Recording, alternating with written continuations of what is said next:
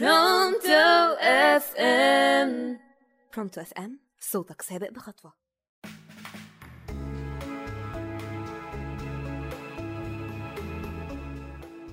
أهلا بيكم وحلقة جديدة من برنامج الأصل اللي نسيناه معاكم نهلة جبر من راديو برونتو FM النهارده هنتكلم عن مقولة شهيرة ممكن نكون بنستعملها من غير ما نفكر أصلها إيه. إيه المقولة دي؟ 100 فل و14 100 فل و14 دي جاية منين؟ وليه 14 ليه مش 100 بس؟ ما المية كفاية لوحدها. الحقيقة إن الأصل في الكلمة دي بيرجع للحضارة المصرية القديمة وتحديدا الرسومات اللي على الجدران المعابد. زمان كان برضو المصريين كانوا مهتمين قوي قوي قوي بعلم الحساب والهندسة وعندهم الدقة في الرسومات. فكان مهم قوي لرسم أي كائن على الجدار إنه يكون ليه مقاييس محددة ومحسوبة.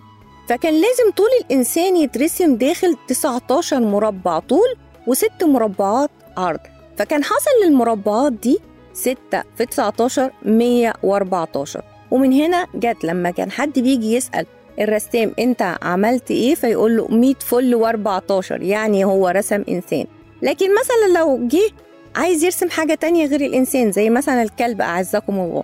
فبتلاقي الكلب بيترسم بين ست مربعات عرض وعشر مربعات طول فمجموعهم الاتنين ستين مربع. وعشان كده بيقولوا أنت ابن ستين كلب.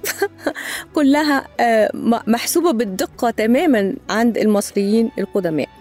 وبما إن الكون كله قايم على الحساب فالدقة في العمل هي اللي بتخليك ماهر وبتخليك إنسان. وكده نقدر نقول عليك 100 فل و14 سؤالنا المعتاد هل نحتفظ بالمقولة دي ولا نتخلص منها؟